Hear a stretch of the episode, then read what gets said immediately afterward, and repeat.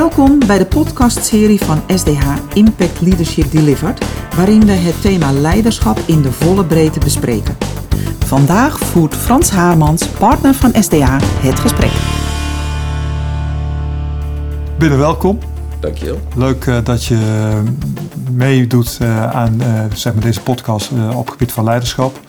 Voor de luisteraars wil ik graag binnen even voorstellen.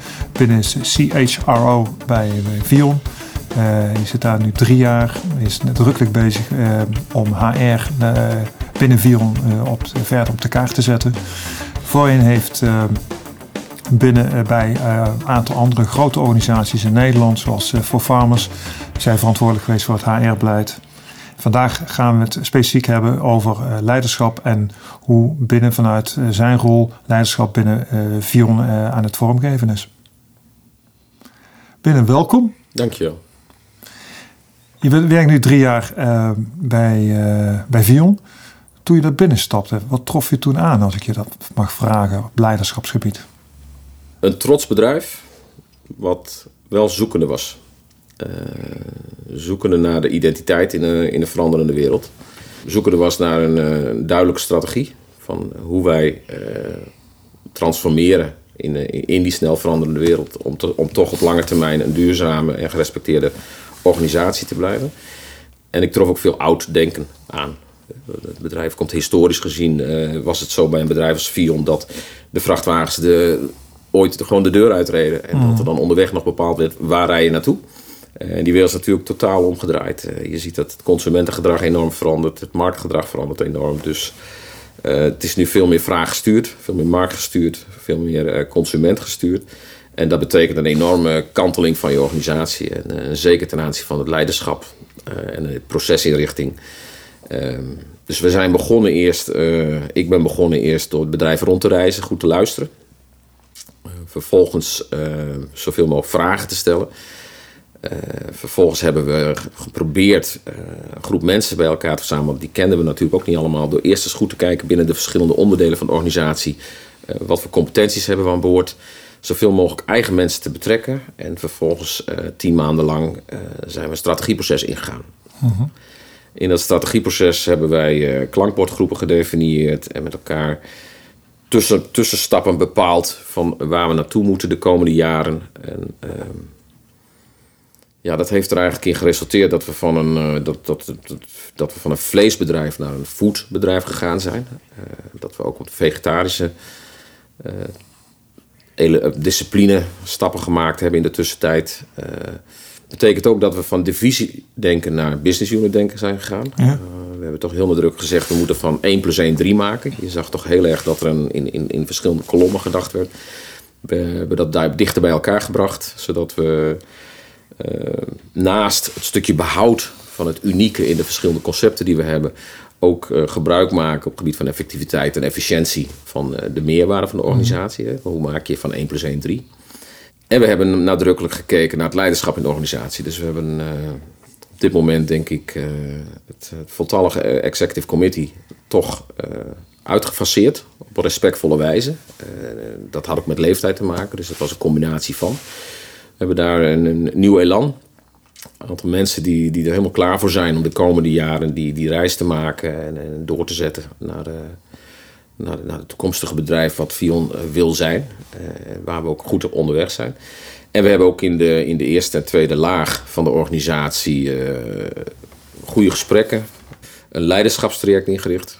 Leiderschapstraject niet alleen top-down, maar ook bottom-up. Dus we hebben ook zo'n operationeel leiderschapsprogramma. Want bij ons is het ook heel erg belangrijk dat de mensen meegaan. En dat je dus niet alleen maar de, de top 50 en de top 100 op sleeptouw neemt, wat je vaak ziet. Uh, maar dat je, dat je ook nadrukkelijk kijkt naar je operationeel management uh, op de locaties. We hebben iets van 25 fabrieken. En het is uitermate belangrijk dat het mensgericht leiderschap, het coachend leiderschap, van hoe neem ik mensen mee, hoe leg ik mensen zaken uit, hoe, hoe, hoe maak ik het begrijpbaar dat we op een andere manier naar onze business kijken. Uh, en dat, slaagt, uh, dat slaat heel goed aan. Dus dat is eigenlijk, ja, dat is eigenlijk in een nutshell wat we de afgelopen jaren, uh, wat, van wat we aangetroffen hebben, hoe we die kanteling maken naar morgen. Ik heb ook gezien dat jullie die transformatie ook op executive level gemaakt hebben. Dus wat, wat, oudere collega's uiteindelijk die wat anders zijn gaan doen, of binnen of buiten de organisatie. Ja. Vaak waren dat wel mensen met een grote, hele grote vleeskennis. Absoluut. Uh, wat je vaak bij jullie heel belangrijk is, die hele vierkantswaarding, dat je dat heel goed in je vingers hebt. Hoe heb je dat terug kunnen vinden in de mensen die, uh, die deze mensen vervangen hebben? Ja, wat je zelf terecht zegt, het is een combinatie. We hebben, ik, ik vind het wel heel erg belangrijk dat we een beweging maken met eh, respect voor het verleden uh, en behoud van het beste. En invloed op de toekomst, zeg ik altijd in die drie trapsraket. Dus dat mhm. betekent ook wat je zelf ook al aangeeft, dat we een aantal van onze uh, COO's die jarenlange track record hebben, dat we die kennis en deskundigheid ook nog steeds inzetten. Uh, en dat die op een andere basis uh, hun expertise in ons bedrijf toevoegen. Of dat nou naar de buitenwereld is, uh, als vanuit stakeholderbeleid of in, binnen de interne organisatie. En die helpen dus ook, die coachen en begeleiden dus ook een, een stuk van, het, van, van, van de nieuwe leidinggevende organisatie. En gelukkig hebben wij de kennis uh, van vlees ook uh, in het huidige managementteam uh, sterk vertegenwoordigd. Dat, dat, blijft ook een van onze key drivers. Ja. Maar wat je nu vooral ziet is, als je kijkt naar de essentie van onze strategie, dat is het bouwen van duurzame ketens. dat is dat we ook buiten onze eigen scope kijken. Dus dat, we, dat we nauwere samenwerking zoeken met de feed producers, de voerproducenten, met de boeren, eh, dat we op een andere manier samenwerken met de retail. Zodat we met elkaar, eh, met een stukje fair share voor iedereen en een stuk transparantie voor de consument, eh, proberen goede ketens neer te zetten, kwalitatieve ketens neer te zetten. En, en, en dat, dat slaat enorm aan. Ja. En, maar dat betekent wel een hele andere manier binnen je organisatie denken. Dat betekent dat, je, dat, dat onze business unit beef, onze business unit pork, onze business unit retail, dat die veel nauwer met elkaar samenwerken. Dus dat die, de, de klant komt nu echt bij elkaar. Ja. terwijl je in je interne processen wel anders georganiseerd bent. Dus dat, dat cross-functioneel samenwerken in een matrixorganisatie, ja, dat vergt een hele andere vorm van, uh, van leiderschap. Een hele andere vorm van impact hebben. Ja. Maar als je nu terugkijkt, uh, zeg maar dik twee jaar geleden uh, daar, en dan heb je, heb je die strategie uitgerold, je bent een leiderschapsprogramma begonnen. Zie je al een aantal verbeteringen? Of Absoluut. veranderingen? Ja, ja, nou wat ik net zei, hè, je hebt, uh, je hebt uh, de, de, laten we even gemakshalve zeggen, traditionele volume denken. dus het, het, afzetten van je product. Versus het klant-consument denken. Ja? Dus dat betekent dat we onze salesorganisatie opnieuw aan het inrichten zijn. Dat we veel sterker concentreren op key account management. Uh, betekent dat we andere gesprekken leren voeren bij de klant. Uh, dat we ook gezamenlijk belang hebben. Retail in het verleden misschien wel eens een aantal partijen naast elkaar zetten en dan eenvoudigweg de goedkoopste partij nam. Zie je nu ook dat retail de verantwoordelijkheid voelt om naar de consument toe uh, een ander aanbod neer te leggen. Dus die gaat ook een ander gesprek met ons aan. Dus we zitten ook samen met de retail bij de boeren. We zitten op exclusiviteitsbasis met boeren samen te werken om met bepaalde voersamenstellingen om hele mooie, duurzame, transparante ketens op te bouwen. Eh, en ja, dat traject is uh, denk ik heel succesvol. Alleen wat je ziet is dat is een ontwikkeling. Dat is een organische ontwikkeling. Dus dat bouw je op. En uh, als je kijkt wat er aan onze volumekant gebeurt, is dat bijna disruptief. Als je kijkt naar de externe ontwikkeling, of dat nou maatschappelijk, politiek, klimatologisch of economisch is, dat, dat de internationale markt is ook veranderd hebben wij aan alle kanten hebben wij te maken met behoorlijk ingrijpende ontwikkelingen. Dus aan je volumekant heb je veel druk. Je ontwikkeling van wat wij dan noemen BBC-denken, Building Balance Change, dat is een proces wat in, wat in gang is. Dat is ook de toekomst van het bedrijf. maar het is procentueel moet dat natuurlijk accelereren. Maar de, de, de, de, zaadjes zijn, zijn geplant en ehm, de successen zijn daar. Je ziet ook uh, op de inhoudelijke kant, ook in, in, in, in, in, in het samenwerken met stakeholders, dat het uh, gezien wordt en dat we daar ook succesvol zijn. kwaliteit van de producten zie je. We winnen prijzen ook met onze vegetarische fabriek voor, voor, voor, voor de samenstelling en de kwaliteit en de smaak. Dus we zijn op, de alle, op alle initiatieven op de goede weg bezig, maar ik denk dat we nog sneller moeten. Wat doe je eraan om ervoor te zorgen toch dat die mensen mee kunnen uh, in, in, dat, zeg maar, in, in die hele dynamiek. Naast het feit dat je trainingen geeft. Ja, dat, is, is het geëikte antwoord vaak. Hè? Dat is communiceren, communiceren en nog eens een keer communiceren. Uh, want je, zult, uh, je, moet mensen, je moet mensen erbij betrekken. Je moet ze verantwoordelijk maken. en zich ook verantwoordelijk laten voelen voor het stuk waar zij invloed op hebben je moet ook een stuk autonomie geven aan mensen. Dat, uh, dat is ook een enorme verandering met het verleden. Mensen willen meer autonomie. Mensen willen met name snappen, waarom doen we dit? En als mensen iets snappen, dan willen ze ook wel 120% geven. Dat zie ik ook bij de jongere generatie. Dat, dat, zie ik ook bij de jongere mensen, de traineeships. We zijn ook onmiddellijk begonnen afgelopen vier, vijf jaar al hoor. Maar echt heel nadrukkelijk ingezet op onze traineeships. We hebben het, uh, tot twee traineeships per jaar starten we op met groepen van 10 tot 12 uh, jonge mensen. Die komen ook allemaal op key positions terecht. Dus we zijn enorm bezig met een stuk verjonging van de organisatie in dat opzicht. Om, om ook nieuw talent toe te voegen aan de kennis en deskundigheid die we hebben. Maar je ziet dat, die, die, die, dat, dat de vraag die zij stellen totaal anders is. Uh, zij willen hier alleen maar bij ons werken als zij een purpose voelen. Ja. Echt voelen. En, en, en gelukkig kunnen we dat heel goed met elkaar uitleggen. Juist in onze branche. Er zijn wel eens mensen die op afstand zeggen op verjaardagspartijtje van... Oeh, zo'n uh, voormalig vleesbedrijf, daar wil je toch niet werken? Nou, ik kan je vertellen, er zijn heel veel jonge mensen die willen juist graag bij ons werken. Omdat, wij, omdat je bij ons echt een verschil kunt maken. Dus je kunt bij ons heel aantoonbaar zien waar komen we vandaan... Hoe beweegt dat voormalige tankerschip zich? Hoe maken we daar een, een, een modern cruiseschip van met z'n allen? Ja, en wat betekent dat voor de gezondheid van de, van, van, van de medemens?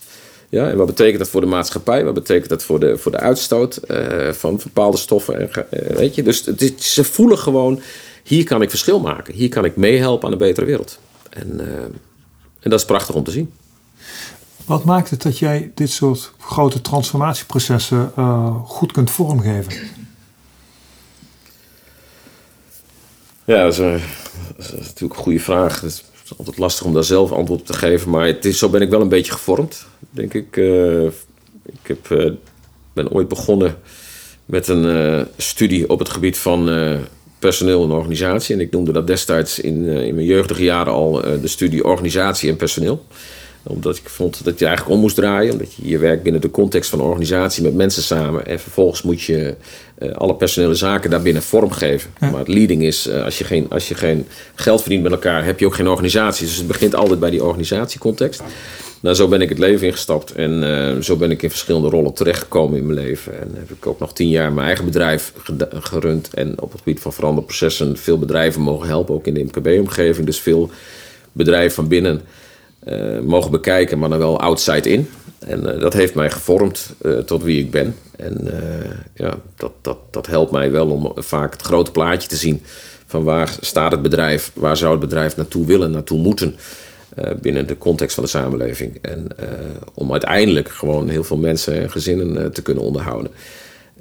En ook iets op te leveren voor in dit geval ook de maatschappij als we het hebben over voedsel. Ja. Dus, dat is, dus die, die bredere integrale context vind ik heel interessant. En van daaruit ga je kijken, oké, okay, wat draagt iedereen binnen een team dan bij om dat zo goed mogelijk in te vullen. Ja. En mijn verantwoordelijkheid is daarbij dan de interne organisatie. Ja. En wat vind je dat, als je, als je, ja, je hebt veel ervaring met veranderingsprocessen. Als je nu teruggaat eh, in de tijd en dat vergelijkt met nu, wat zie je dan dat op leiderschapsgebied nadrukkelijk veranderd is? Ik heb soms die dat ik nog 18 ben, maar als je zo tegen me praat, moet ik toch in één keer realiseren dat ik 52 ben. en dat ik toch een stuk terug moet kijken. Ja, weet je wat, ik, wat, je, wat wel een groot verschil is? Een leider, liep, uh, die, een leider moet in principe nog steeds wel voor de troepen lopen, vind ik. En als je omkijkt, moet hij de troepen ook nog zien, zeg ik wel eens. Uh, want als je omdraait en je ziet niemand meer, dan kun je wel een hartstikke goede leider zijn, maar dan is er toch ergens iets misgegaan. Um, maar aan de andere kant zie je nu ook steeds meer dat de leider juist achter de troepen staat. En dat klinkt een beetje gek. Als je het vanuit oorlogsperspectief bekijkt, is dat een beetje de easy way, zou je denken. Maar je ziet wel dat, uh, dat de vraag ernaar is om, om anderen te enablen. Ja? Anderen in staat te stellen om succesvol te zijn, om hun eigen, hun eigen doelen na te jagen en ze daarbij eigenlijk te begeleiden. Dus, uh, het, is, het is een beetje van uh, voordoen, meedoen en laten doen. En ik denk dat dat wel een beetje is waar we vandaag de dag uh, zitten, wat mij betreft. Tenminste, ja. zo werk ik bij mijn eigen teams. Ja. Dus ik probeer, uh, ik probeer ze zoveel mogelijk autonomie te geven en ze niet uh, op dagbasis een lijstje mee te geven. Ik, ik, probeer gewoon te kijken van hoe ver gaat iemand erin, hoe, ver, hoe, hoe, hoe slaagt iemand daarin. En vervolgens help je elkaar wanneer nodig. En bij de ene moet je soms het even weer voordoen. En dan kun je, dan kun je nog één keer meedoen. En, en dan laat je het weer doen. En ehm, en ik vind dat heel fijn werken. Ja. En ik heb de indruk, maar dat is natuurlijk een subjectieve beoordeling, dat mijn teams het ook heel prettig vinden om op die manier te werken. Ja. Uh, met een bepaalde vorm van autonomie. Wat voor competenties vind je dat de leider van nu echt moet hebben om echt zijn of haar rol zo goed mogelijk in te vullen? Ja, ik denk met een heel moeilijk woord agility. dat is wel het woord wat het eerste bij mij opkomt nu. Uh, want het heeft misschien ook te maken met, met de omstandigheden waarin wij als organisatie verkeren en de uitdaging waar we mee te maken hebben. Maar we zitten nu echt wel in een uh, FUCA world, zoals ze met een mooi woord wel eens zeggen. Hè? En die laatste A van FUCA die staat voor uh, ambiguity. Ja? En daar hebben we echt mee te maken. Dus een strategie is ook niet meer in beton gegoten. Die moet je continu herevalueren, eh, bijsturen, accelereren, sommige dingen on hold zetten. Dus dat zie ik ook bij ons. Eh, we zijn continu scenario's aan het denken. En toch moet je op, ook al moet je continu bijsturen. Ik zeg wel eens, we gaan naar Rome, maar je kunt linksaf en rechtsaf en uiteindelijk kom je in Rome. Maar je mensen moeten het wel snappen. Als je ene keer linksaf gaat en de andere keer rechtsaf gaat, dan denken die mensen van wat zijn ze daar in vredesnaam aan het doen? Dus het, de kunst om, om de lange termijn visie te combineren met, met allerlei agile movements gedurende het proces en dat vergt best wat van een leidinggever, of van een leider eigenlijk. Want een leidinggever is toch wat meer soms het technocratisch besturen. En een leider is degene die mensen echt meeneemt. Of die er dan voor of erachter loopt. Mhm. Ja, ik denk dat dat, dat dat complexiteit is op dit moment. Uh, je moet agile zijn, maar je moet met name ook heel erg goed kunnen uitleggen... Uh, wat je short-term stappen zijn om je long-term doelen te bereiken. Wat, wat, zou je jongere generaties, of wat geef je al jongere generaties die uh, op leiderschap, of ja, maar die binnen jullie organisatie werkzaam, wat geeft die op leiderschapsgebied mee? Of wat zou ze mee willen geven? Ik denk dat misschien als je het zo vraagt, dan zou ik zeggen van um, zorg dat je mensen om je heen verzamelt die beter zijn dan jij. Dat, uh, dat is iets wat ik in de laatste 25 jaar nog te weinig zie. Ik zie nog steeds op de een of andere manier bij, bij, bij leiders en leidinggevenden en, en managers uh, dat ze soms nog te vaak mensen op zich heen verzamelen die iets toevoegen op een functioneel gebied. Uh, maar waar ze toch altijd redelijk veilig zitten. Hè? Dat, ze, dat ze altijd een beetje de, de baas kunnen blijven. En ik denk dat het leiderschap van de toekomst, en zeker als ik naar hun kijk, uh, naar de nieuwe generatie kijk, denk ik van durf mensen aan te nemen die beter zijn dan jou. Dan, dan, dan, dan ben je groot. En dan maak je hele mooie dingen met elkaar waar. Dus betekent dat dat je meer als leider meer faciliterend moet gaan worden om te zorgen dat je mensen in hun kracht plaatst? Ja, het past een beetje in het verhaal. En het cement tussen de stenen voor, uh, ja. creëert. Ja, ik denk dat dat een beetje past in het verhaal van dat je, dat je de kwaliteit als leider hebt om iemand uh, te faciliteren in zijn eigen groei. En uh, ja, dat zie je soms nog te weinig. Dus dat is een beetje het oude versus het nieuwe leiderschap. Ja de vaardigheden die jij hebt aangeleerd om, om te komen waar je nu staat. Hè? Mhm. Eh, wat, wat, voor een drive is dat in jou uh, om dat uh, ja, ook daadwerkelijk tot wasdom te laten komen? Ja, ik heb, ik heb eigenlijk een, vrij onorthodoxe carrière achter de rug. Ehm, dus ik ben, ik ben nooit. Ik, ik, kom uit een ondernemersgezin. En ehm, ik was na mijn studie aan het werk gegaan bij Stork. Eh, een soort corporate career. Eh, maar werd getriggerd door een Engelse directeur. Eh, die nam me mee naar een Nasdaq Amerikaans bedrijf, wat voor mij een enorme eye-opener was, waarbij ik in 25 landen mocht rondreizen, plotseling als jonge gast. Ehm, toen kwam ik weer terug in Nederland, toen dat avontuur voorbij was. En toen voelde ik me helemaal niet op mijn gemak om weer binnen een corporate omgeving te gaan zitten. Ik had het gevoel dat de muren op me afkwamen. En toen had ik besloten van, uh, ik ga het gewoon zelf doen. Ik ga gewoon uh, proberen half interim te werken, zodat ik wel blijf ontwikkelen en blijf groeien. Uh, maar ik wil ook wat teruggeven aan de MKB-omgeving in mijn directe omgeving. En daar bouw ik dan ook een organisatie mee op. Dat heb ik tien jaar gedaan. met ongeveer vijf mensen in mijn team. En vier, vijf mensen in het team. En dat was eigenlijk een heerlijke manier, heerlijke manier van leven. Want ik zie het niet als werk, maar als een way of living. -huh. En uh, ik dacht ook dat ik het de rest van mijn leven zou doen. Tot ik destijds voor Farmers tegenkwam en daar met de CEO in gesprek raakte. En uh, we drie bedrijven mochten integreren. En moesten integreren. En hij zei van wil je daarbij helpen? Uh, toen werd ik zodanig getriggerd dat ik dacht van ja, het leven is nog veel te lang. Ik, dit moet ik gewoon doen. En zo ben ik eigenlijk weer in die wereld verzeild geraakt. dus het is, het is een, meer op, gebaseerd op toevalligheden. Maar dat bestaat waarschijnlijk niet. Maar, dus ja, wat is je drijfveer? Mijn drijfveer is denk ik in al die situaties dat ik dat ik het belangrijk vind om het toe, het toe te doen. Uh, je wilt wel graag, ik wil wel graag helpen om het verschil te maken. En ik wil wel graag begrijpen wat ik uh, van iemand hoor. En er ook een, een rol voor mezelf zien om iets te gaan doen. Wat of die persoon of die organisatie verder helpt. Ja. Uh, dat vind ik wel heel erg belangrijk. die propositie moet kloppen. En En het moet ook nog een bedrijf zijn waar ik een gevoel bij heb. Dat had ik bij de bedrijven waar ik toen ik zelfstandig was mee werkte. En ik, ik ben nooit bij Stork begonnen, dus ik had iets met de metaal. Toen ik voor mezelf werkte, bijvoorbeeld de AVB, een uh, vrij lang nauw samengewerkt om daar de commerciële internationale organisatie om te buigen. Daar begonnen de eerste agrarische zaadjes zich te, te, te, planten. En vervolgens ben ik uiteindelijk bij Van Farmers Kramp en nu dan bij Fion terechtkomen. Dus, ik ben, dus mensen zeggen, er zit nu een agrarische stempel op mijn hoofd. Maar dat voelt heerlijk. Want het is een, het is een goud eerlijke wereld. Uh, woord is een woord, in de meeste gevallen. En het, als je het hebt over purpose, ja, en als je het hebt over de uitdaging van deze tijd om in die sector met elkaar te kijken hoe we kunnen behouden wat we gebouwd hebben met z'n allen zonder uh, ons toekomstperspectief en de jonge generatie en de, en, en de gezondheid en, en, het klimaat geweld aan te doen, daar ligt een hele mooie uitdaging, denk ik. Ja. Als je terugkijkt op uh, nou, de carrière tot op heden, zijn er echt momenten geweest die zijn, nou, die mensen zijn echt bepalend geweest voor, ja, voor mij in mijn ontwikkeling? Ja, ik, ik moet eerlijk zeggen, ik heb, ik, ik, ken wel een paar, ik ken wel mensen die altijd heel veel grote voorbeelden hebben. Daar ben ik niet zo van. Ehm, maar ik heb toen wel uh, samengewerkt met een. Uh, ik begon net te vertellen hè, dat ik bij Stork begonnen was. En dat ik, uh, daar heb ik een man leren kennen, was een Engelsman. En die is daarna dus van, in dat geval Alpnet Inc., de CEO geworden uiteindelijk. En heeft mij er toen bij betrokken. En toen was ik echt een jong broekie. Ik had net mijn eerste fase erop zitten. En hij zegt: Binnen. Ik heb een internationale klus voor je. we moeten hier wat dingen doen. En ik vind dat jij mij wel kunt helpen. Nou, paar keer over gehad. En dat zijn we toen gaan doen. Dat was prachtig. Dat was mijn daar begon mijn internationale werk. En dat was uh, schitterend om te doen. Maar ik werkte samen met hem in een managementteam. En uh, ik was uh, eind 20. en de CFO was in de 50. Ja, dat was eigenlijk een hele bijzondere constellatie. En het was wel grappig als we dan ergens internationaal kwamen. En we zaten met z'n drieën met een partij aan tafel. Dan zei hij altijd van... on my left side, you'll find my... you find, nou ja, meneer die en die, ik zal zijn naam niet noemen. En and he is my finance director. Ja. And on my right side, you find, in my case, Binnen Visser. And he is my master in pink and fluffy bollocks. en dat beschouw ik nog steeds als het grootste compliment wat ik ooit gehad heb.